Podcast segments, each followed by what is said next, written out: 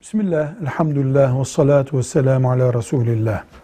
Kur'an'ımızdan çok açık bir şekilde anlaşılan, Resulullah sallallahu aleyhi ve sellemin sözlerinden çok açık bir şekilde anlaşılan şudur.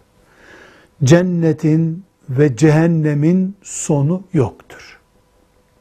Tarihimizde bazı alimler bile bir kısım tevil yaparak cehennemin sonu olacağını, belki işte bir milyar sene sonra biteceğini söylemişlerdir.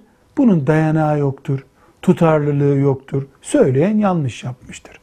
Cehennem de, cennette sonsuzdur. Velhamdülillahi Rabbil Alemin.